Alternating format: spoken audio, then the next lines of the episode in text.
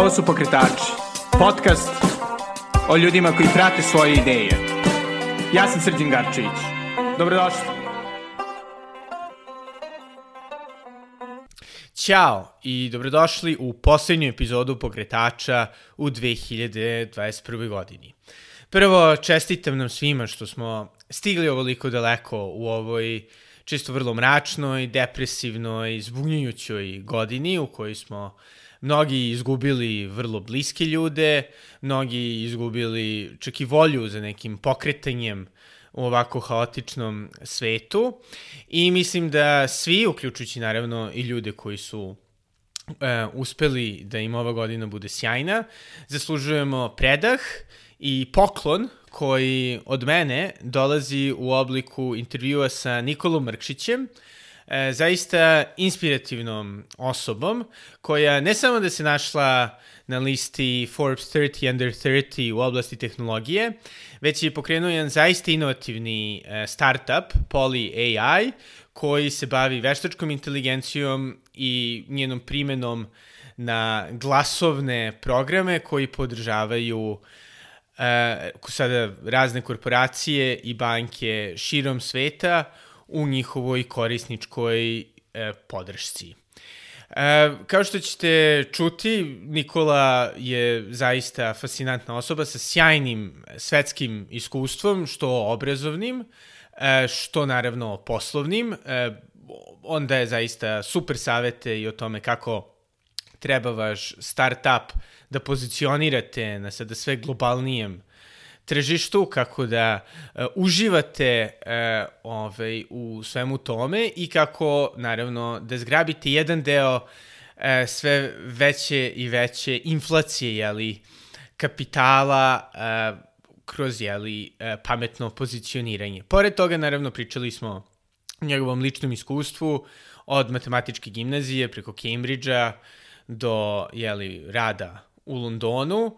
E, pričali smo o akcentima, tako da zaista jedna meni vrlo draga epizoda. Hvala puno Nikoli što je imao vremena. E, to je to od mene. Pre nego što čujete Nikolu, sam bih htio da vas podsjetim da ukoliko ste u darežljivom e, osjećaju, jeli, e, ovog, da kažem, prazničnog dela godine, naravno tu je uvek Patreon, na adresi patreon.com, kao srta Belgrade možete da donirate pokretačima, e, to možete isto učiniti i preko Paypala na adresi paypal.me kosacrta s Garcevic. Um, a sada, naravno, ovo je Nikola Mrkšić iz Poly AI-a. Pa Nikola, ovaj, hvala puno na vremenu. Uh, redko imam ljude koji su na Forbes listama 30 under 30 Uf. ispred sebe. A, a možda ne toliko redko ekipu iz matematičke gimnazije. tako da... Eto, pa ovaj, pa možda da, da krenemo sa najbitnijim pitanjem, ovaj, tvoj, jeli, Poly AI se bavi mm -hmm. uh, AI-om, primjenom AI-a u razgovorima mm -hmm. i da, jel, će, jel ćemo mi podcasteri postojati za 50 godina ili... No, svakako, svakako. Hvala, hvala, hvala ti što si me pozvao. Um, pa ne, ne, po, postojeći svašta. Mislim da je ideja, generalno moje firme, mi pravimo voice asistente koji rade preko telefonskih linija okay. znači, i automatizuju... Hm? Znači, novinari jednostavni, jednostavni razgovori, znači okay. ono, menjanje adrese, naručivanje hrane, takve stvari mogu automatski, malo komplikovanije teme, dosta teže. Dobro, cool. Hvala Bogu. Ove, ovaj, budite na Patreonu i dalje, neću, neću biti zamenjen algoritmom. Cool, pa kako si se ubacio u ovaj svet AI-a? Pa bio je bio neki onako roundabout put. Možda ne čak toliko različito od tvoje rane karijere isto, ono, studirao sam na Cambridgeu, ono, pre toga matematička, informatika, malo mi je dosadilo da budem štreber, pa sam htio da budem bankar. Wow. I pa zato kažem, mislim da možeš da relatuješ kako se zove. I imao sam ponudu da krenem da radim ono M&A u Credit Suisse-u. Um, upoznao sam svoju tada devojku, sada ženu, a tokom te prakse trebalo da se preselim u London. I tokom te zadnje godine na Cambridgeu radio sam master sa jednim izverenim profesorom, čovjek se zove Zubin Garvani i jedan je od najpoznatijih ono, istraživača za Bayesian machine learning, to je znači on prilično matematički potkovan deo machine learninga i gde mi je čovek krajnje arogantno rekao kao nemoj da ideš da budeš PowerPoint monkey. Ja rekao, dobro, Mislim, to je akademska arogancija, nema veze. What do you know, old man? Pa, Dženi, dženi. I u svakom slučaju, pošalje od mene da pričam sa par ljudi koji, ajde, ako nećeš da radiš doktorat, idi i pričaj sa ovih par ljudi koji kreću svoju kompaniju. I upoznam ja tu jednog južnoafrikanca Blaza koji je u tom trenutku outovo sa sigurne profesure na Cambridgeu. Što je nešto što se ne dešava svaki dan i bar je onako zavređuje jedan razgovor. I čovjek mi pokaže svoj sistem koji su pravili u to vreme. Prilično jednostavan razgovor sa automatskim glasom o restoranima u Cambridgeu. On pitaš par pitanja, da li te hoćeš nešto high-end, nešto jeftino, koji tip hrane, koji deo grada, dobiješ preporuku. Ali onako prilično seamless interakcija zanimljiva. I to je bilo cool. Um, Poznam me čovjek sa svojim tehnički co-founderom, znači čovekom koji je radio biznis stranu, Indus koji je oženjen Finkinjom a, i sedne čovjek sa mnom i 30 minuta pričamo o četnicima i partizanima. Ja rekao, ok, ovo je tip ekipe s kojom vidim sebe na neko vreme, stvarno su me zaintrigirali. I pošalju oni mene kod svog tog trećeg co-foundera koji je bio profesor na Cambridgeu. Čovek, ovo mu je bila treća firma koju je osnovao, prve dve je prodao, jednu Google, drugu, drugu Microsoftu. U isto vreme čovjek ima 30.000 citata i prorektor je Cambridgea ono, ubedio je Cambridge da izdaju prvi bond ikada da bi gradili 7 novih departmana. I ono, večer pred toga, moja majka je bila u Cambridgeu i onako kao tipična srpska Tiger Mother je kao, pa kao, don't give up on your education, trebao bi da radiš doktorat. Ja rekao, kjave, jebote. I pričam ja sa čovekom i tako ide razgovor i on kao, pa kao, what's it gonna take? I on tu vjerojatno razmišlja da ja želim ono, malo veću base platu od ovih ili tako nešto. I ja onako pokušavam suicide by cup, kao, A bih mogao s vama da radim doktorat dok radim za njega. Čovjek uzme moj transkript, pogleda ocene, sure, pruži mi ruku. Ja rekao, he called my bluff, evo ruke, jebi ga, idemo u to. I tako sam radio za njih a, godinu i po dana, bio sam im prvi zaposleni i u isto vreme sam krenuo da radim doktorat sa Steveom na Cambridgeu. I to je bio rad, možda čak i tvrđi nego investment banking, onako, ono, od jutra do ponoći svaki dan, ono, vikend i sve, i baš je bilo ja. Ali Nikola, hm? koliko si ovaj, različitih boja uspio da prepoznaš ovaj, u PowerPointu? Pa, zavisi, ako koristiš onaj jedan koji je Credit Suisse imao, ono, bilo je to svačega. da, da, da. Možda nekoliko i ti, ne znam. pa dobro, ipak kao na konsultanti mi, mi ovi moramo da razumemo celu paletu i različite nijanse plave, tako da... Da, da, da, da. A dobro. Cool. I ništa ne se bavio nebitnim doktoratom na Cambridgeu i tako malo radom. Pa ne, onda nas je kupio, onda nas je kupio, onda nas je kupio Apple um, nakon godinu i po dana, pa sam radio za Apple dok sam, dok sam završio doktorat i tamo sam upoznao a, dvojcu Tajvanaca koji su isto vreme stigli da rade sa Steveom, Sean i Eddie, to je Song Shen i Pei Hao. A, tonovi i dalje verovatno nisu ispravni jer sam unikatno netalentovan za izgoranje mandarinskih imena. Uh, ali on, postao sam jako dobar prijatelj s njima i na kraju toga mi je rekao, kao ajmo, ajmo zajedno pravimo nešto. I imali smo stvarno tada je deep learning krenuo jako ozbiljno i mi smo imali tu sreću da budemo među prvima koji su te algoritme uveli u sisteme za dijalog. Tako da smo znali da imamo neku tehničku prednost. Koliko, koliko je ona bitna za proizvod, to tad pojma imali nismo. -hmm. Ali kao ajde, grlamo jagode i dignemo neki funding, prebacimo veći deo grupe, a, upali AI sa, sa istraživačke grupe na Cambridgeu i tako je to krenulo. Ali nekako ono, malo te ne slučajno sam završio veoma ozbiljno u ovoj priči i bilo je dovoljno onako mm, ono, tractiona i jednostavno dovoljno uspeha kroz sve to. Imao sam baš puno sreće da to sve ispadne kako treba. I dalje sam onako prilično ozbiljno u svemu tome i mislim da, da neću skoro van. da, super. I nekako ono, koliko pošto sam ti rekao, je li, ono, imao si tu dilemu da li, ono, mm -hmm uslovno rečeno, stabilniji svet uh, investment bankinga ili zapravo onako, što se u Srbiji ne smatra, zapravo uzbudljivi svet PhD-a. Da, da. Neko, koliko misliš da je, da je taj ono PhD, da kažem, naučni moment te pomogao da se diferenciraš od ono standardnih startup foundera koji ono vrlo često pa, e, deprioritizuju formalno obrazovanje. Da, pa nisam siguran da je to toliko tačno za deep tech. Aha. Naročito među malo onako kompanijama koje su um, imaju malo dublji IP u, u osnovi. Redko je da, sva, da svi co-founderi budu poput mene, ono, kao bivši akademici. Mislim da ono, nismo im baš toliko dugo zaglibili u akademiju. Mi smo odradili doktorate i iz, izašli brzo, te time možda nismo previše tainted kao akademici, dalje imamo prilično taj startup mentality. Nije loše uraditi PhD, ali nikako nije prerequisite. Mm. Mo, mo, sve ovo što sada radim, osim možda inicijalnog poverenja par investitora i zaposlenih, bi verovatno isto tako mogao da radim i tri godine pre nego što ranije da nisam radio taj doktorat. Tako da, mislim da ono, kod nas, naša kultura, stavovi dosta favorizuju akademske putanje, nisu previše bitne, ali ti hedžuju rizik.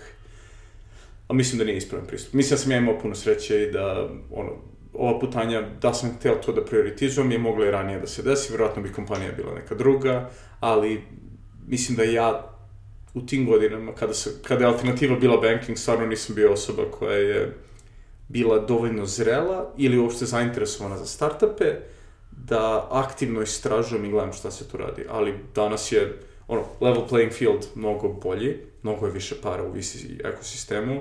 Danas, ono, američke firme traže evropske, ono, pre, pre tri godine kad su mi digli svoj Series A, Britanija je bila novelty za američkog investitora. Sada su po celoj Evropi. Tako da mislim da sada, ono, ko stvarno želi to da radi, nikad nije bilo lakše i treba samo krenuti u to, jer ono, prvih par godina, ono, early stage startupa su u principu samo drugi vid škole za sve to.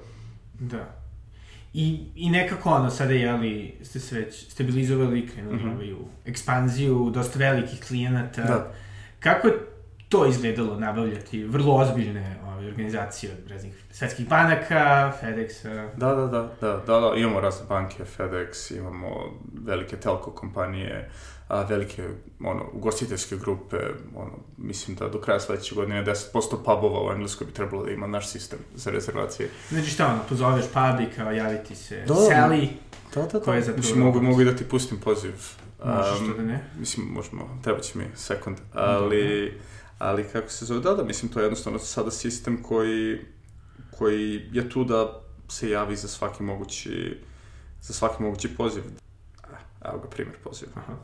Znači, ovo je recimo osoba koja zove, verovatno nikad u životu nije pričala sa Siri ili Alexom i on, javlja se automatski sistem. I to izgleda otprilike ovako. Samo sekund. Beefy to the crossbush. I'm a digital host. How can I help? Oh, are you real or digital? um, I can make bookings and answer questions. Oh, um, I'd like I'd like to book a table this evening for half six.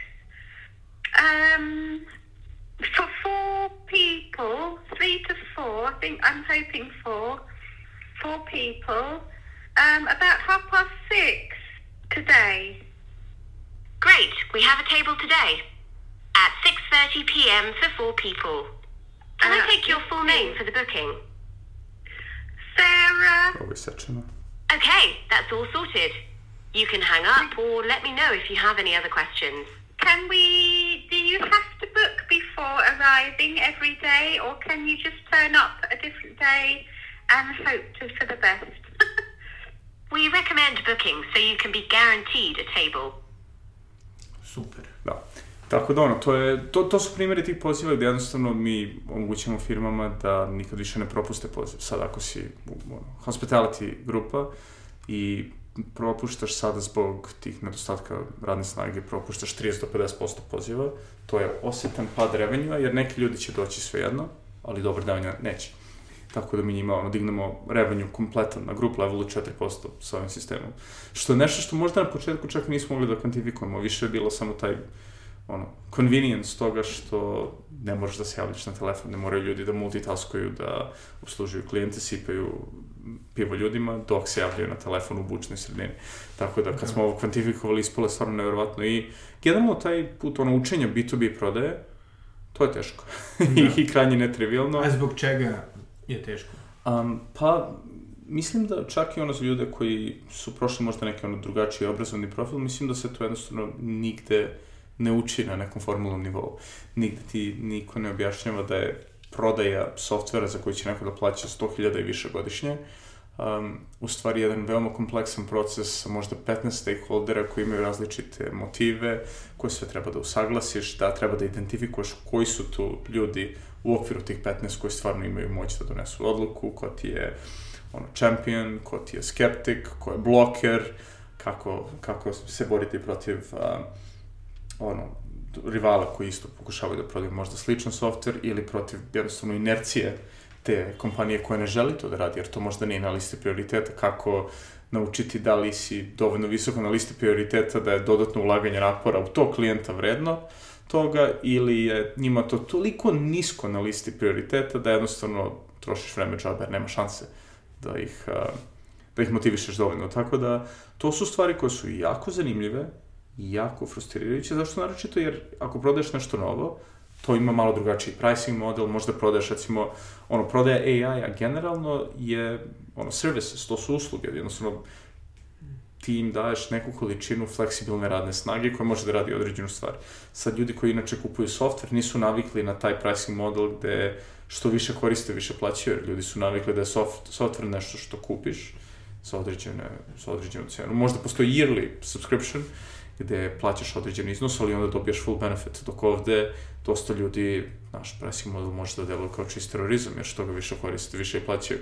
Sad, return on investment je ogroman, ali to opet zahteva on, value-based selling koji je krajnje netrivialan i mnogo ljudi uopšte nije vično tome i nije nikad radilo to, jer imaš onako u principu neku skalu tih motivatora za ljude koji kupuju nešto. Ono, ako je revenue growth, to je super. Ako je risk mitigation, to je dobro. Ono, jer strah motiviše jako dobro. Ako je compliance, to je opet nešto što moraju da imaju i budžet, onda nije, line, nije, bitan.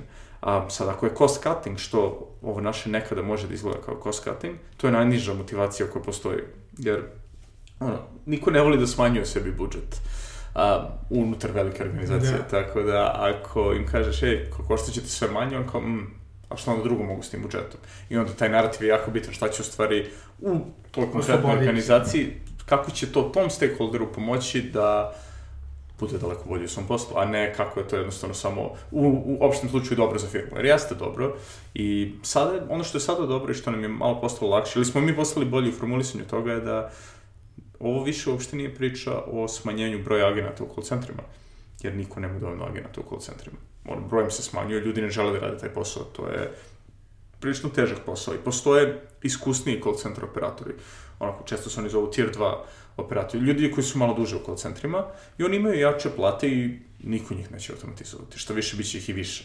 Um, ali tier 1 agenti, ljudi koji tu dođu i rade po 3, 4, 5 meseci, Da, mehanički poslove. Vrlo brzo dođu, nisu obučeni, rade posao loše jer su novi i veoma malo njih stvarno ne želi da bude tier 2 agent, nego rade to između poslova. Možda su studenti na letnjem raspustu ili neko ko se vraća posle duže pauze gde nije radio neko vreme um, i vrlo brzo odu dalje. Churn u call centrima može da bude do 200% godišnje, što znači da ono, ako je 100 ljudi, tu prođe ono 200-300 ljudi godišnje zaposlenih, tako da velika je to muka sve vreme onako obučavati ljude, sve vreme rekrutovati, troškovi su ogromni, tako da ako možeš da samo olakšaš taj pritisak labor marketa i da kažeš umesto tih 100 ljudi imaćeš umesto, ne znam, 30 tier 2 agenata imaćeš 50 koji će upravljati AI i raditi sve to, platit ćeš te ljude više, imaćeš daleko veći ono, pool resursa, tako da ono zanimljivo je, ali mislim za ono malo ono, opštiju startup priču, ta diferencijacija, da li je to ono B2B sales ili B2C, mislim da je bitno na početku napraviti tu distinkciju i shvatiti koji su ono trade-offi. Um, jer ono, B2B je, onako, treba tu par godina da se sales team onako uhvati ritam, dovoljno ljudi, da se uradi lead generation kako treba, da se nauči, da se napravi sales proces. Da, da. I još jedna stvar me interesuje, pošto recimo sada su AI i ono, Bitcoin, to jest ovaj, mm -hmm. blockchain, e, postali gotovo ono, sinonimi za nešto što sve firme koliko toliko hoće da guraju, mm -hmm. da bi pokazali investitorima da su inovativni, recimo, i u nekim slučajima to je, ima smisla da su slučajeva nema, recimo, čuo sam za neku reosiguravajuću kompaniju svetsku koja razmišlja da automatizuje, to jest AI-izuje svoje ovaj, ekonomske projekcije. Sad ono koliko je u njih ne verovao, biš da sam ih na njima radio, mm -hmm. ovaj, opet nekako baš ne vidim kako je to mm -hmm. pametno korišćenje uh, AI-a. Koliko je taj neki hype pomogao vam u rastu? Pa mislim da hype svakako nije odmogao. Jer um, dosta ljudi, sad mislim recimo to, taj konkretan slučaj, to je matematičko modeliranje.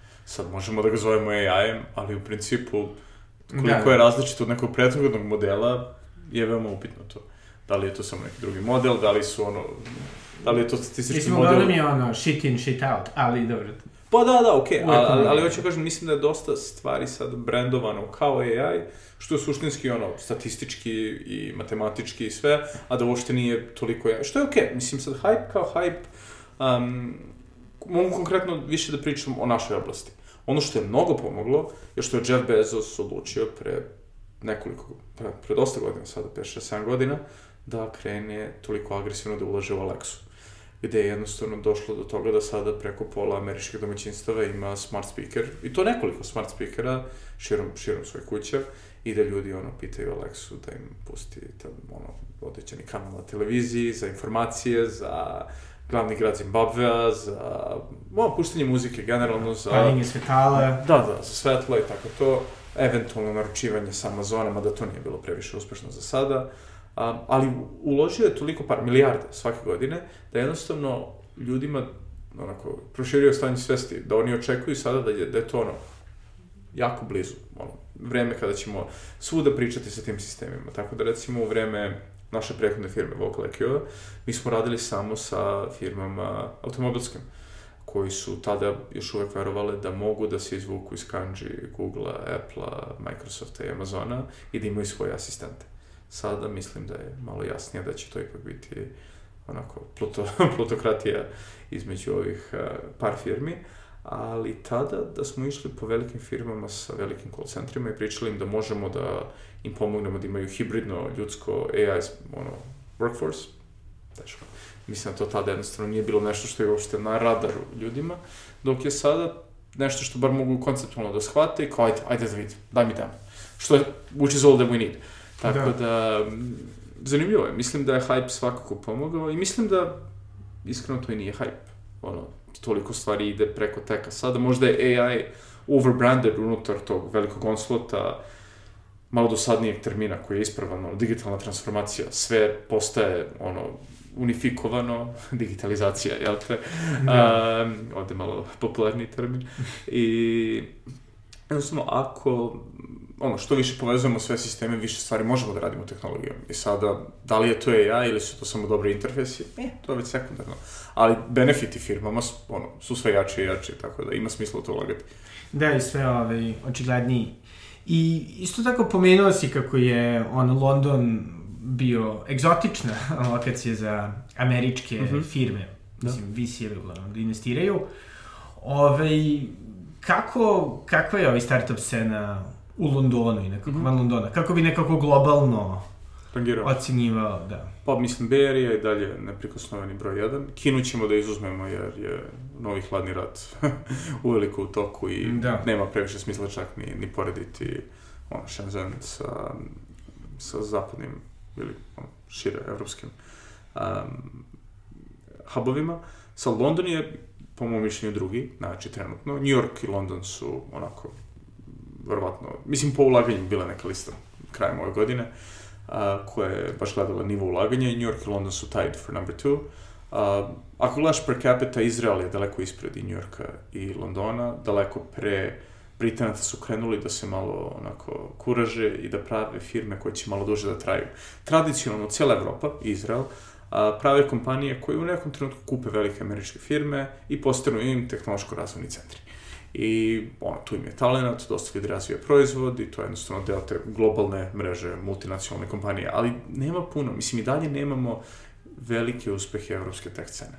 Ono, Spotify je recimo velik, ima ono SAP u Nemačkoj koji je već ono drevna kompanija, um, ali nema jednostavno per capita kao kontinent, nemamo taj odeseti američki, a nemamo ni tržište, što je u principu onako povezan fenomen, ali London je dobar i trenutno je baš, ono, i Britanija generalno, je jaka lokacija, jer mislim da u Evropi imaju tu prednost da pričaju engleski pre svega i da tu, to im jednostavno daje veliku prednost u odnosu na Nemce, Francuze i ostale koji ipak prave nacionalne hubove, a ne toliko globalne. Izrael je fenomenalan, mada je ipak ono, 8 miliona ljudi, tako da ono, they punch far above their weight, ali ma, manja lokacija, tako da mislim da je Britanija dobra. U Americi sada ono, iz, niču novi hubovi veoma agresivno, znači Austin, Miami, New York već neko vreme, ali ono, ljudi sada pričaju polako i o Denveru i ono, čuješ priče čak i ono, o Houstonu i o, do Boston je tradicionalni hub koji je nekada bio veći od od Silicon Valley-a, a Toronto je prilično dobar, ali mislim da ono što je zanimljivo, ono, za naš razgovor možda i više, to da sve više i više ti američki fondovi koji imaju sve više i više para, jednostavno, da ne ulazimo u makroekonomiju, ali realno sve više um, novca koji imaju da ulažu, um, a valuacija zbog toga, inflation valuacija u Silicon Valley je takav da je tamo sve postalo krajnje nepristupačno čak i za većinu američkih investitora, gde se pojavljuju ono seed runde sa valuacijom od 100 miliona. Ljudi koji ono sa idejom dižu 15 miliona. Tako da oni gledaju prvo van Kalifornije, a onda gledaju Evropu sve više i više. Sad London je već ono, bio je onako New Gold Rush ka Londonu pre nekoliko godina, a sada sve više ti isti fondovi a, gledaju širom Evrope.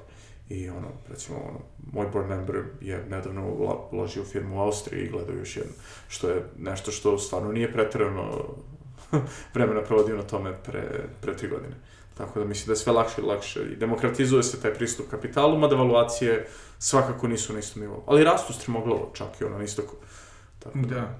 A recimo, ovaj, fantastične mesta poput Beograda, ovaj. Mm -hmm. koliko misliš da, da recimo startup iz Srbije ima šanse da, da sa dobrom, naravno, idejom privuče finansiranje? Koliko je zapravo vredno biti fizički u mestu kao što je London ili...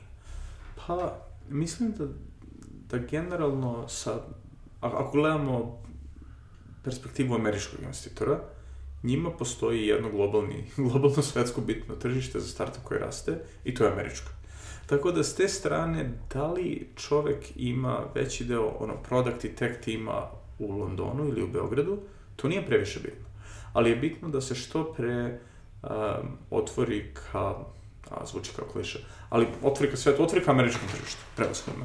I tu, tu ja mislim da ono hubovi poput, um, recimo, Izraela ili Singapura, daleko bolje to rade nego jedan London. Zato što u Londonu imaš tržište od koliko, blizu 70 miliona prilično bogatih ljudi i ima tu klijenata koji su dobri. Većina naših klijenata su sada britanske firme, ali Amerika nam raste daleko brže. I mislim da ni mi ne bi bili toliko zanimljiva kompanija našim investitorima da nismo pokazali apsolutno neoklevanje ka formiranju go-to-market tima u Americi, koji je primaran go-to-market tim. Meni je sada chief revenue officer tamo, ja živim kao nomad mesecima po američkim hotelima sa klijentima i, i, našim, i našim sales timovima i to jednostavno mora tako. I s te strane, neko ko u Beogradu ima product i tech team je, ima veliku prednost a, što se tiče troškova i kvaliteta ljudi. Za iste pare, ono, srpski senior developer je ono, daleko jeftiniji od nekog u Britaniji a po kvalitetu krajnje comparable. Um, tako da ne mislim da je štetno, ali mislim da ne može da se životari na srpskom tržištu kao što može da se životari na britanskom. Tako da srpske firme ne bi trebalo, potreban je neki kapital od početka, potrebna je volja da se jako brzo uči, naročito ne znam ako se, bilo za B2B ili B2C, mora se otvoriti tom stranom tržištu odmah. Mislim da sve više firmi, sad ako ono, vesti zadnjih par meseci, dosta firmi imaju, ne znam, CTO ono, iz Srbije koji radi ovde sa timom, a komercijalni tim a, u Americi. Mislim, Seven Bridges je bio takav već pre nekoliko godina i mislim da to ima jako puno smisla. Znam i dosta naših ljudi koji ulažu ovde i koji, a, kojima je to jako smislen model. Meni jeste. Nisam, način na koji je ovo sve krenulo meni je doveo u situaciju da tako nešto radim ja, ali on, bože da. zdravlje jednog dana. Da, jedna stvar, ovaj, sada je li na pošto sam bio malo u Americi i nekako jedna stvar koja je uvek tamo baš impresivna, to je samo ta količina novca i količina tržišta da. i voljnost ljudi da da. daju kintu za sve ono, ne znam, plantain chipsa do, znam, ono, ovih, e, da inače, ovaj, pokretači budući, ako slušate ono što je vrlo popularno u Americi sada, one kao stvari za ja mislim da su džalfije ili lavande, ono da se pali ono što pići kao da, Aha, da, da, da, da, incense, da. Da, da, ove, tako eto, investirajte. Ali hoću da kažem nekako, uopšte, taj nivo ambicije je nezamisliv, mm. u, da ono, možete da zarađujete kintu od ono, da, da, da, da. žalfije. Koliko misliš da ti je, da ti se to promenilo u radu sa, sa Amerikancima ili Mislim, iz Britanije, vrlo, da. Vrlo, vrlo, vrlo, vrlo. Čak i, odnos, mislim, Britanija je u tom smislu mnogo sličnija Srbiji nego Americi i dalje, iako su vratno najsličniji Amerima na kontinentu. Um, ne znam, Amerikanci jednostavno imaju tu ludu ambiciju, can do attitude, odmah kreću, ne sumnjaju sebe, nevjerovatno samopouzdanje i mislim da je to nešto čega treba učiti, jer taj njihov stav u tržištu koji se brzo raz, razvija, sa pravim timom i pravim kapitalom postaje ono self-fulfilling prophecy i zato je prave takve firme. Um, imaju i bolji market. Jednostavno u Americi, za čisto mogu da pričam to što, što, što mi Da, radimo, da. to je ono large ticket enterprise software, gde ono, to malo, malo je to sporije, ali kada uhvati momentum postaje nezaustavljivo i to sad polako osjećamo i sad postaje značajno lakše, ali Amerikanci su dosta onako kultura im je takva da čovek koji implementira nešto novo je heroj, on je unapređen, svaka čast. If you failed, ah well, idemo dalje, ono, write off that investment in that software, hmm, that's on you, you're not getting promoted this year. Um, dok u, u Engleskoj, a tek u kontinentalnoj Evropi, to je takva kultura ono, čuvanja svog posla i svoje reputacije, da se ljudi libe da probaju nešto novo i zato mislim da i američki market je bolji. I zato su i oni takvi, jer im je i društvo takvo da će lakše i da uspeju tako nešto novo da prodaju i mislim, to je kultura preduzetnika gde se uspeh slavi, a, a ono, failure košta ja, dosta više u društvu koji ima ono, slabi, ono, um, ono, social welfare. Pa da, da, da. sigurnosnu mrežu, da.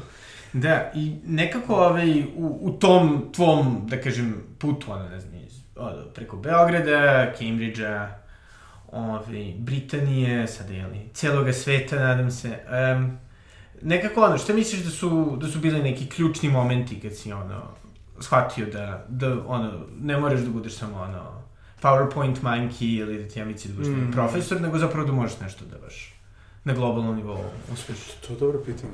Um, ne znam. Ne znam, mislim da ono, bio sam radoznao. I mislim da je to dosta bitno, onako... A, mislim, mislim da je fara da ono, kao you get lucky, sad ono, mo- možeš da pričaš koliko je sve sreće, mnogo je sreće tu bilo. Ali mislim da se čoveku ono, ponekad pruže neke prilike koje moraju nemilosrdno da se iskoriste. I mislim da sam to uradio dobro. Um, ali isto, isto tako, ono, čini mi, i mislim to, dosta puta sam to pričao sa, sa našim ljudima, ono, ne treba ni menjati sada karijeru, onako, kompletno, um, ono, 180 stepeni, zato što imaš neke prednosti, znaš koje su, moraš da im nađeš najveći utility, gde si zbog tih svojih prednosti možda znaš dve stvari koje su veoma različite, ali ako nađeš konkretno polje gde možeš to nemilosrdno da iskoristiš, ti onda tu odjednom vrediš sto puta više. E i onda, ono, taj put možda neće biti najpredvidiviji, ali je zanimljiv.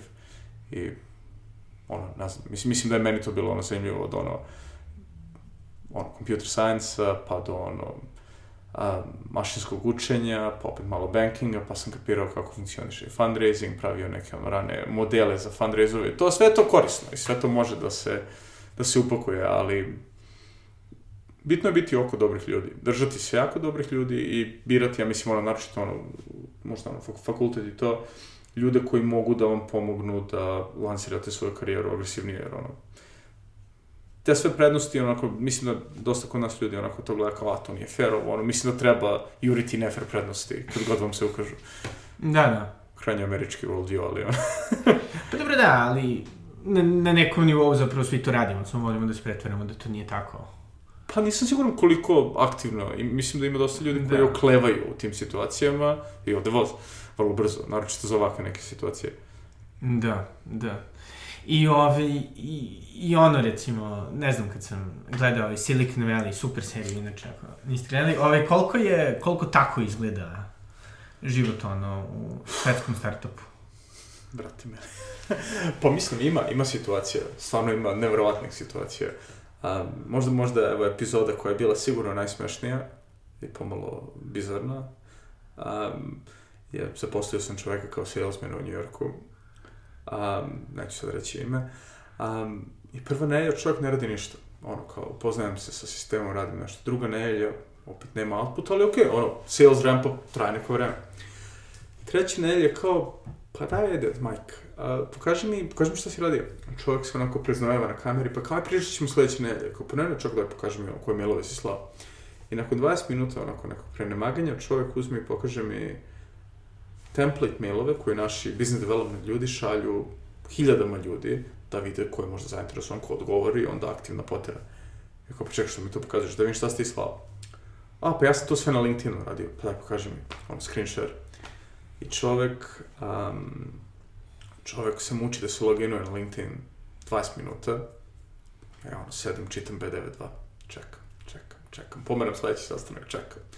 Rekao, na kraju on kao, pa ne, ne mogu se loginujem, ne da mi tu faktor autentikacije. Ja rekao, pa kako si slao te mailove? Ja, ne znam stvar. I tu moj chief operating officer jedan, krene malo da ga googla i vidimo da je čovjek pod istim imenom prevario stotine firme tako što je, ono, krene da radi nelju, dve, tri i kod većine je mesecima se pravio da nešto radi, uzima platu dok ljudi ne otpuste ne radi ništa. A izva, izvalili su ga tako što je u jednoj firmi rekao da mora da uzme par nedelja jer kupovao je vreme, jer Aha. mu, i ovo je sad crno, jer mu dete ima rak. A, otkrili su da je lažnjak kada je firma poslala cveće školi nakon što je čovjek rekao da mu dete umre.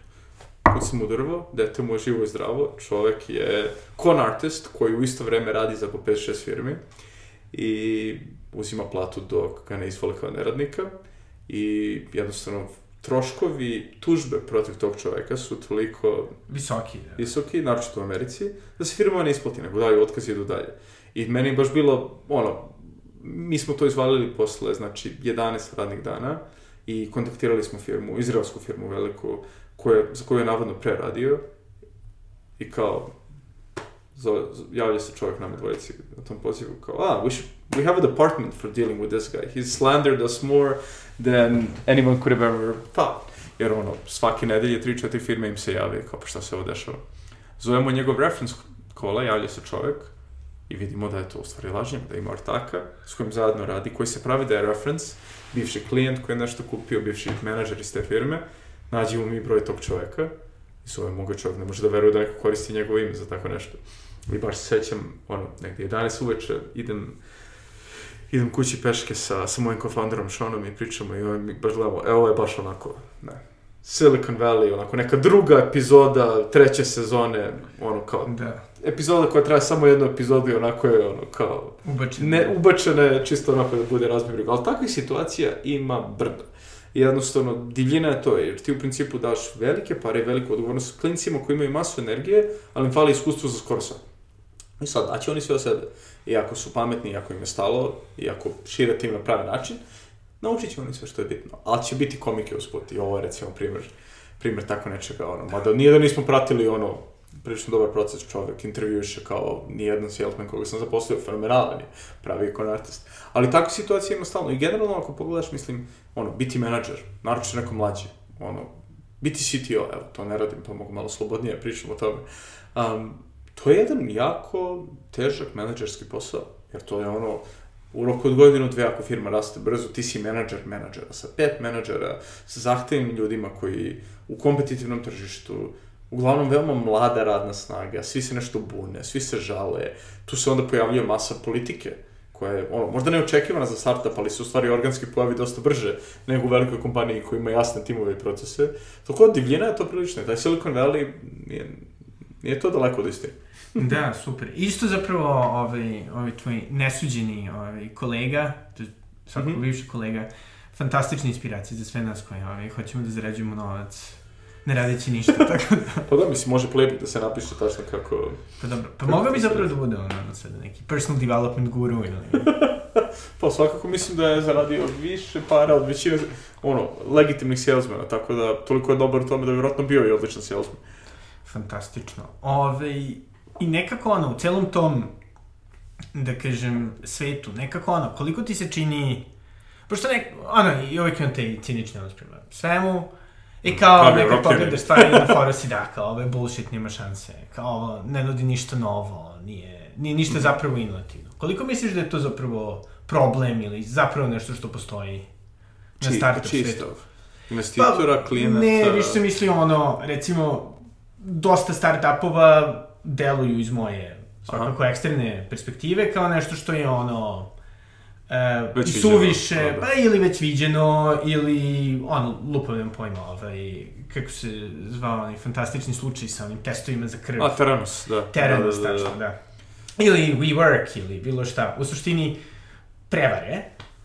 Dobro, Ove, Theranos i WeWork su ipak druga razina. Naravno, ali hoću da kažem ove, i, ili samo neinovativno što se prodaje kao super inovativno. Koliko ti se čini da je to ono, problem na tržištu, uh, u smislu koliko toga će preživeti ili koliko možda uzima resursa od, da, uslovno rečeno, legitimnih projekata? Pa mislim, što mislim da ne previše. Zato što toliko sada ima kapitala da jednostavno više nije toliki problem. Ono, možda ono, deo kapitala ode na takve stvari, ali mislim da i neke od tih firmi su stvarno uspeli i promenili način na koji, ne znam, konzumiramo prevozna sredstva, ne znam, ono, Uber je uspeo, iako je isto tako čovjek mogu da bude ciničan kao i za WeWork. WeWork i dalje funkcioniše, mi smo u WeWorku. Da, da. Dosta ljudi svuda su i dalje funkcionišu. Kako, ne znam.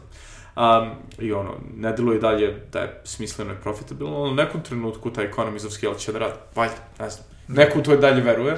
I okej, okay, hvala im, imamo sjajan ofis koji je ono, sa dva koplje bolji od prethodnog. Ali, da, ne znam, mislim da ono, ima dosta firmi koje rade nešto onako konkretno, što je nezanimljivo opštoj populaciji, ono, ERP je recimo ono, dobar, um, dobar primjer industrije koja nikom nije interesantna, opet je ono, bilo tu stotine uh, jako velike kompanija koje su jednostavno pomogle da se, da ono, sve to digitalizuje i da sve funkcioniše bolje. Ne znam, mislim da taj cinizam nije previše bitan. Ono, jednostavno, dogod neko razume problematiku i misli da treba da im da novac, ono, tržište će to regulisati sad.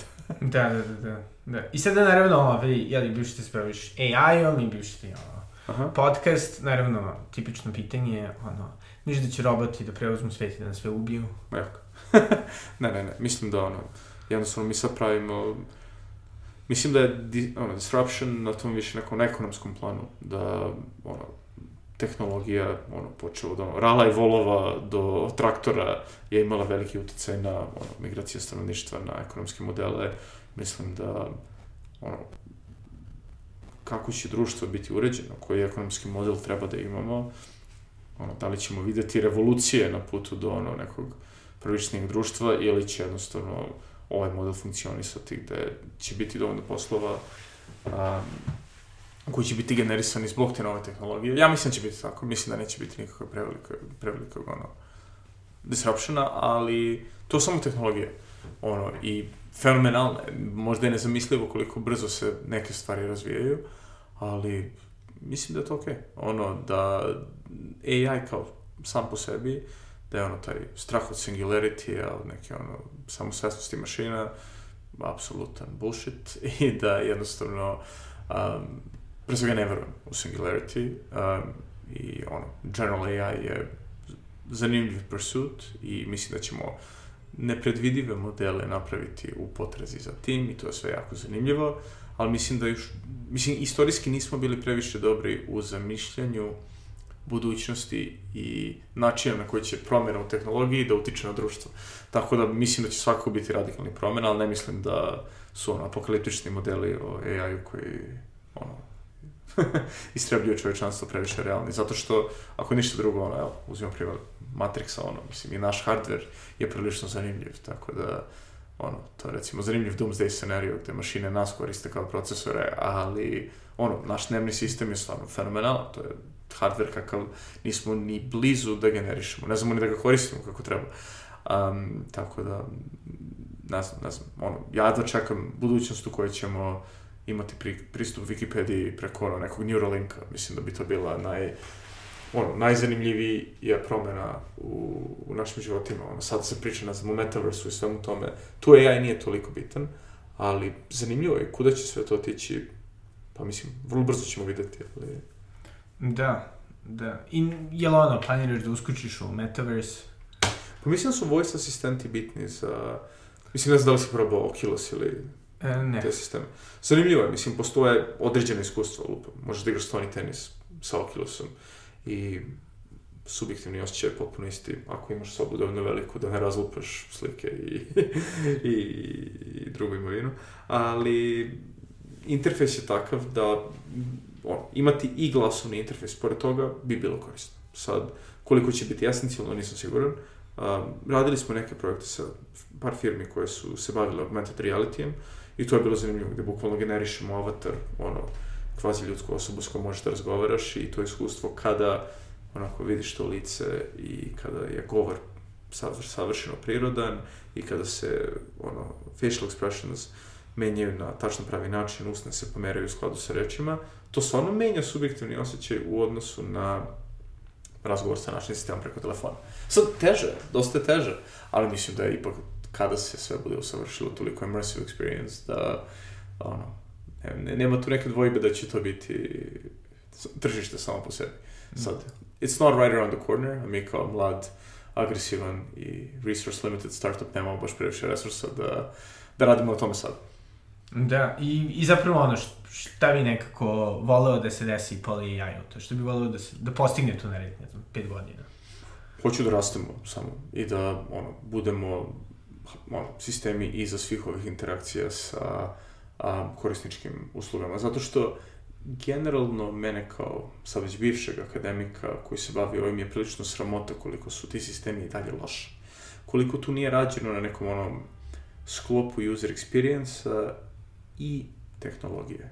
Ono, ljudi koji su najbolji u tome da razumeš, da razumiješ šta, šta misliš kada kažeš hoću da dođem preko sutra sa ženom i tri ortaka i da to znači pet ljudi, to je jedna grupa ljudi koji to mogu da rade. To su ono, AI su stručnjaci. S druge strane, neko ko će da radi na tome da taj glas bude savršeno reprezentativan za tu kompaniju, da to ima sve smisla u kompletnom tom iskustvu.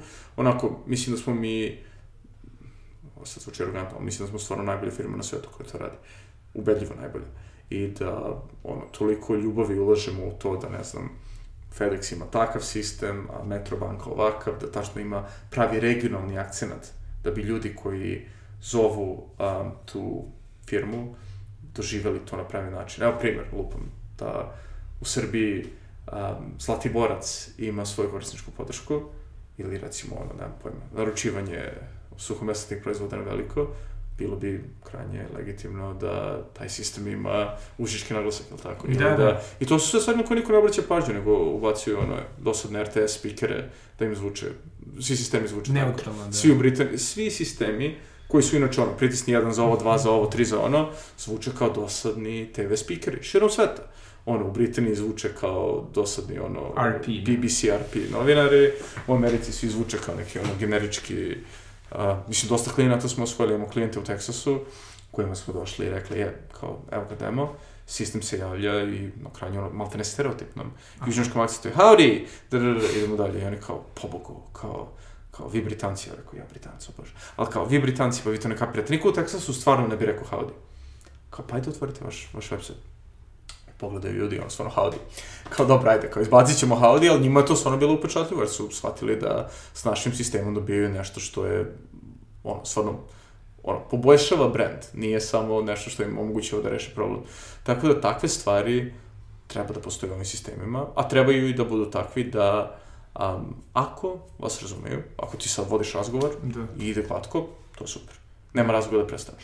Da, čisto mi je zanimljivo, koliko misliš da je ta, taj fokus na regionalizmi, regionalni mm. akcent posledica toga što si ali bio u Britaniji, koja je vrlo da. obsednuta time? Da, mislim da jeste. Mislim da je bilo, mislim da je bilo ključno, jer tamo je recimo ono, se, severnjački akcent nešto što ljudi generalno ne stavljaju na te sisteme i postoji neka arogancija tog ono, juga engleskih home countisa, ali opet kada čuješ taj glas, mnogo je topliji, mnogo su, doživljavaju ih ljudi kao daleko ono, prijateljske. Da. I druga stvar, kada ti se javi automatski glas, koji priča kao neko iz Yorkshire, ti automatski, ono, imaš kognitivni problem, jer kao, kao pa ne, ne, ne bi stavili da to bude automatski sistem. Ovo je neko u nekom call centru, jer već je neke tamo.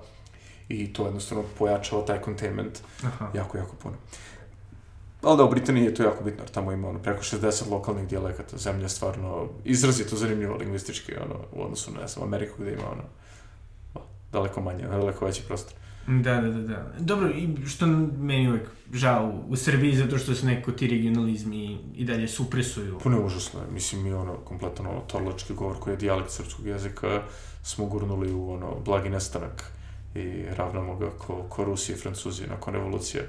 Tako da mislim da ta standardizacija jezika ovde je baš onako, da. pa ne znam, mislim možda je se čak za vreme ono, bivše nam države bilo zanimljivije, jer bar je bilo nekoliko centara, a sada onako... da, pa ništa ne zna da će ovaj vaš ovaj, kako, kako ono, social investment biti u tome, o mm. zaštiti naših akcenata, eto. Ako hoćete da se bavite CSR-om. Da, Zezam da, se. da. Ove, ali da, sada da se jeli, vratimo na Srbiju i u Srbiju, nekako ono, dobro, ti si jeli, u Britaniji van od, e, od studija, mm Mhm. -hmm. neko koliko ti se čini da se, da se ovaj, promenila atmosfera, pogotovo uzruši u obzir da smo jeli, oboje se išli u matematičku gimnaziju, Da, da. nekako ono. Da. Pa, pa ne znam, mislim da, mislim da sada, da je ambicija ljudi ovde, naravno u tom tehnološkom sektoru, daleko veća da ljudi ono, prave firme, postoji gomila tih startupa koji ono, imaju ovde razvojne centre u Americi, um, ra, rade prodaju i komercijalizaciju. Ja, mislim, mislim, ja tu osjećam jako veliki naboj energiju i mislim da sve, sve ide jako, jako dobro sad. Mislim da i raste jako brzo i mislim da je sve to jako, jako impresivno, jer mislim da nije produkt toliko nekog sistemskog planiranja, nego baš onako da je organski nastalo, iz rada i truda jako puno ljudi, tako da ono, ja sam prilično oduševljen svim tim. Um, ali da, ovo, ovo što, mislim što sam pričao za ono, potrebu da izlaziš na američko tržište i sve to, da je Srbija pet puta bogatija zemlja, opet bi sve, bi, opet bi sve bilo tako. Tako da mislim da ono, imamo trenutno tu prednost u ceni, jeftiniji smo i to treba nemilosredno da koristimo, jer očigledno nam ide dobro i sad, ono, nisam neki ono, policy regulator da, da pričam ono šta bi tu trebalo raditi, ali svakako mislim da je ono, obrazovanje i guranje ljudi u tom smeru dobra ideja. Mm, Da. I nekako... Kako se tebi čini? Pa meni se čini da je dosta bolje, da. Čini mi se da je isto malo i smena generacija mm. ovaj, to dosta promenila, jer mi se čini da nekako ono, milenijalci, a pogotovo ovi Gen Z-evci mm. su neko dosta i ono, mislim da više shvataju da se treba snaći u životu, Da, da, umesto da, da, da. da. se nekako ono očekuje, ne znam. Pa da, mislim, mi smo... Dobiješ posao u konsultingu i ostaneš tu zaove. Pa ne dobro, ako pogledaš, evo, mi smo ti, mi smo ti generacija, vratno, među zadnjima, gde su ono roditelji, ono, jedna firma ceo život. Da. To je, mislim, veliki disability u, u worldview i pristupu svemu tome, tako da mislim da što se više Da. da. udalji, udaljimo od tog modela, bit će nam lakše. Da, ali isto ono što sam ja primetio, recimo, kad sam bio na Voriku, uh, jel, ja sam završio 2010. Recimo, tada, makar u Britaniji, uopšte nije bilo kao cool da se ide u startup. Bilo je cool dobiti Goldman Sachs, Da, da. McKinsey. To je to. Ne znam kako je, dobro, ti si malo kasnije. Pa, slično, da. slično je bilo. Nije dalje bio taj, taj hype, ja sam interno u Goldmanu, pa onda u Credit Suisse baš je bilo, akcent je bio na tome, čak i, ono, na computer science programima. Evo, ako ne to, ljudi su išli da rade za ono, Google ili za Facebook i to je bilo to. Da, tako da si ta kultura. Promenilo se dosta, promenilo se, sad je baš postoji to glorifikovanje, ono, klinci od 21 godinu, nekad, nekad bezrazlučno dropoutuju i prave kompanije, ali to u principu nije neka prepreka, jer za tih godinu, dve, tog nekog mučenja nauči daleko više nego na finalnoj godini studije. Da, i možda u krajnjem slučaju, ono, ako već hoće da se vrate u akademiju, shvate šta ih zapravo interesuje, a ne, onda su mu gurnuti u... Pa da, možda baš ne treba dropoutovati onako na Znači, suvo, ali nisi da. ovaj kao Peter Thiel, ono. Peter Thiel čovek koji mene oduševljava, ali čovek koji je na Stanfordu proveo sedam godina, ono tamo diplomirao, pisao ono right-wing publikacije dok je radio law school, um, posle se vratio nakon koliko, tri godine na East Coastu se vratio u okolinu Stanforda. Ne znam baš taj Thiel Foundation i koliko je to intelektualno kredibilno da čovek koji je toliko obrazovanja uložio u sebe Bude priče, priče ljudima da... Pa ne znam da nije on anti, anti Dobro, da, da. ali... Anti-establishment Po, mislim, legitimno je da. biti anti-establishment, ali da, neko malo mi je smešno da toliko potencira... Mislim da postoji... Trenutno baš čitam njegovu biografiju koja mu je nije možda toliko ono, naklonjena, ali ono, to je čovjek koji ima izrazito jak politički profil i veoma je ozbiljan u svemu što radi, ali mislim da taj njegov bunt prema prema obrazovanju i prema američkim obrazovnim institucijama prolazi iz toga što je on možda među prvima stao na malo desniju priču ovih cul- culture warsa koje sada proživljavamo.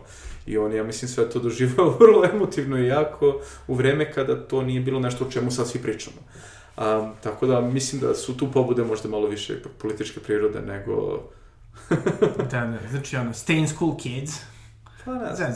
Well, why not? Mislim da je za naše ljude daleko jednostavniji svet nego za privilegovanu američku decu koji imaju izbor da li će da drop outuju sa Stanford Law Schoola ili ne. Znači, mislim da je za nas risk adjusted profil naših života drugačiji. Da ako iz Srbije izađeš ono, i dobiješ neku stipendiju da bi studirao na zapadu negde, mislim da to nama dovoljno otvara druge mogućnosti, jer, ono, dobijemo mi sada prijava po 200 dnevno od ljudi iz Indije, koje ja ne umem da razlikujem, jer ne razumem indijske obrazovne institucije dovoljno dobro. U isto vreme, 10% firme su nam indusi koje apsolutno kidaju. I da oni nisu otišli na zapad i studirali negde, mi njih ne bi, ono, ne bi bili tu, ono, right around the corner da ih mi intervjušemo i zaposlimo, isto to važi i za nas. Ono, koliko god se mi busali ovaj fakultet ovde, onaj, ljudi napolje to ne znaju. Neće nikad ni znati. Tako da ako čovek može sebi profil malo da diferen, diferencira time što će da dobije stipendiju i ode negde napolje da studira, pa i da se onda vrati u Srbiju, što je mnogo, uh, mnogo ljudi i uradilo, jako uspešno. Na primjer ti, da. ono, da jednostavno to ti daje mogućnosti dalje, daje ti i profil kada hoćeš da rezuješ funding na zapadu za firmu u Srbiji. Sve to ima svoju ono, ROI i ne mislim da je isti profil ponašanja jednak za bogato američko dete, ala Gates ili Zuckerberg, i za nekog Srbina koji ono, dobije stipendiju za strani fakultet. Mislim da treba nemilosrdno da ode da završi taj fakultet, osim ako stvarno nema najbolju ideju na svetu, i ako ima tu snagu ličnosti da to iznese, samo napred. Da, Ali da, mislim da se ne treba, ne treba biti lakom, i ono, treba znati ono, ko si, gde si, šta si i biti realan samo da. u vezi ono, najboljeg ono, course of action na koje možeš da preuzmeš. Da. I sada kako, jeli, ovih dana, to je svako godina dosta bitna, jeli, reprezentacija u tek svetu i to, koliko misliš da je bitna činjenica ovaj, da, da jeli sada iz Srbije i regiona jeli, i Hrvatske, sad imamo ono dosta, da kažem, cool ljude, recimo tebe, Mate Rimca, koliko misliš da to pomaže da ljudi kao shvate da mogu da, da nešto postignu? Pa mislim, nadam se da pomaže. Ono, mislim da postoji jednostavno manjak nekih informacija, gde ljudi recimo kada pričaju o fundraisingu i svemu tome, da dosta ovih fondova koji su u Srbiji operisali do sada jednostavno mešetare. I firma, ono, ljudima nude uslove koji na zapadu nikad ne bi prošli.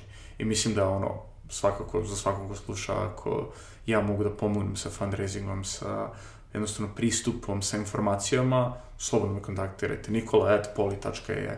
Um, jer mislim da je samo problem, i to nije samo u Srbiji problem, ali je vratno u Srbiji malo, malo, malo veći, jer jednostavno ni na zapadu čovjek koji krene u te vode ne zna šta su trenutni validni te, termini, da li u term sheetu od investitora ono, određena kamata na investiciju pije vodu ili ne, da li je ono, double dipping preference share-ova nešto što je okej okay ili nije, a ono, ako to čovjek ne zna, stvarno može da dobije lošiji i lošiji deal, da jednostavno dve runde kasnije nema ni neki jak incentiv da se trudi više oko svoje firme, jer i nije njegovo.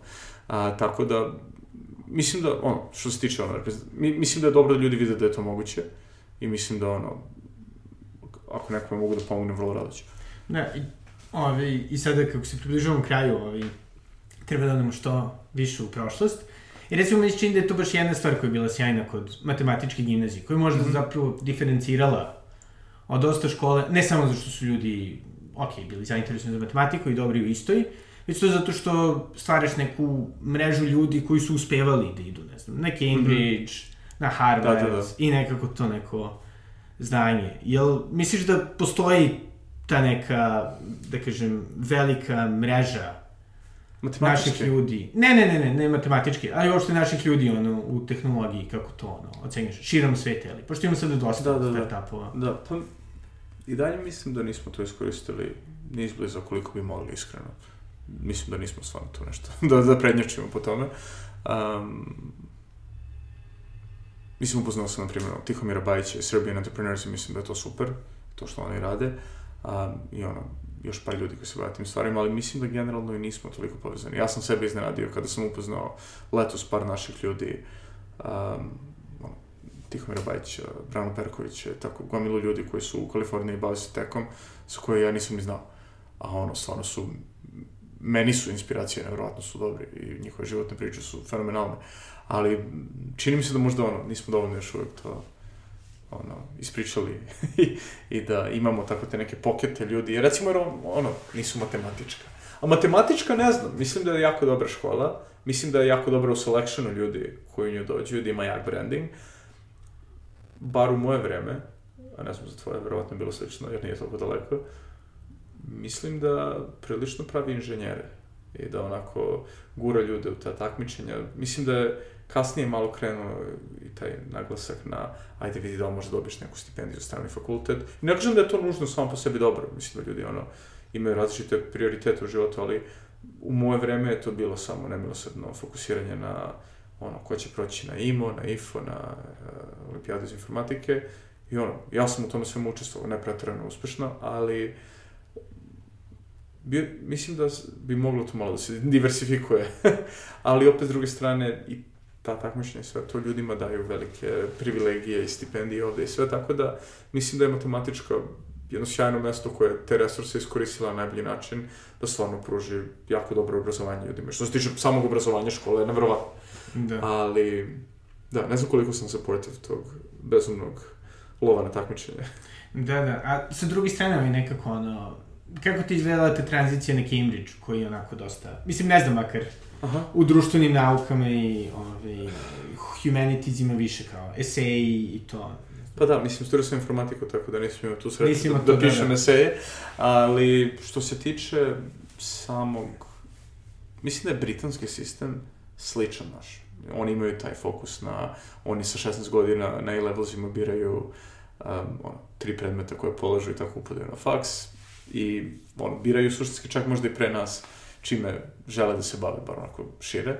Tako da, i, i njihov sistem je prilično fokusiran na ispite i onda ono, kad izađu u stvarni svet. Mislim da su bar spremni da, ono, da im fakultet nije toliko koristan i da tretiraju te ispite kao igricu koji su jako dobri. Um, ali, da, nije mi bio toliko... Ja sam želeo da odem u Ameriku i ono, prijavio sam se, bio sa 10 fakulteta, a, bio wait listovan na Harvardu, Yale, Yale i Princetonu, tako da sam, jel te, morao da idem na Cambridge, jer, ono, škole ko, na koje sam upao u Americi su bile dobre, ali moj ego mi nije dozvolio da odem na jedan Duke, što je tako nezelo i glupo, ali, ono, tako je ispalo i ono, nije ispalo loše, ali, a, mislim da je američki sistem daleko zanimljiviji za ljude koji hoće malo da budu i sve strani, da, ono, ne znam, da sam se rodio u drugim uslovima, verovatno bi se ono bavio istorijom i ono, radio na istoriji, ne znam, ono, Jugoslavije ili tako nečega, ali mislim da je i britanski i srpski sistem prilično loš za sve strane ljude, jer nas gura u to da ono iskoristimo. Za nas još ima smisla, jer ono, mi se specializujemo da bi nekako na tom tržištu uspeli da se diferenciramo. Za Britance stvarno ne razumem zašto im je dalje takav obrazovni sistem. Možda zato što pokušavaju za tri godine da završe ono, bachelora i dalje, što je ipak ono, godinu dana manje nego, nego u Americi. Ali ne znam, ne znam da li imaš previše pametno da kažem po tome. Dobro, da. Šta ti misliš? Pa, nemam pojem. Mislim da je bilo, makar ono, pristup društvenim naukama, mi se čini da je tamo dosta bolji zato što daje tu neku širinu i više fokusira se na, sin, mislim, ono, sintetisanje znanja i uvida, Aha. dok je ovde onako dosta više, ili čisto ono, kao bubanje, uslovno da, da. rečeno, uh, jeli ono, skripti raznih da. profesora, egomanijaka, um, ili opet nekako ono, vrlo, vrlo, da kažem, usko. I čini mi se da, da, da, da ono što je isto dobro što si i sam, jeli, rekao to da oni nekako su svesni da, da. formalno obrazovanje nisu ispiti i da vrednost univerziteta, pogotovo što boljih univerziteta su zapravo te neke ljudi, društvene mreže, da, da, da, ljudi, ekstrakurikularne stvari. Apsolutno, da. A ne ono da li si ne Da, mislim da je jedna sjajna stvar kod Engleza to što imaju ispite na kraju godine za tu godinu. Da. I jednostavno, ako si dovoljno dobar, prošao se godinu i čao. Nema tu štelovanja proseka, ponavljanja ispita i sličnih zajebancija. Nego ono, evo, brate, ono, dobiješ jednu od ono četiri ocene i na kraju krajeva nije ni bitna toliko kasnije bitno je ako hoćeš da radiš doktorat i da dobiješ stipendiju, ali ono, u tom slučaju zagri stolicu. Da, da. Pa ne, zagri stolicu samo napred.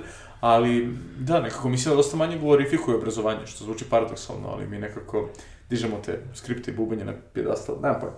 Da, da. I, I evo sada kako ćemo biti. Posljednja epizoda pokretača u 2021. Ove, da, šta bi voleo, šta bi voleo da poručiš svakolikom slušalaštvu. pa nemam, nemam, nemam, nemam neku veliku poruku. Ono, mislim da nadam se da ćemo imati malo zanimljiviju godinu nego, nego protekle dve, ali da, mogu samo da ponovim što sam rekao, za sve naše koji ono, radi taj early fundraising i to, to je nešto što je meni bilo jako zanimljivo da bi rado ono podelio s svakim, tako da nek stupe u kontakt.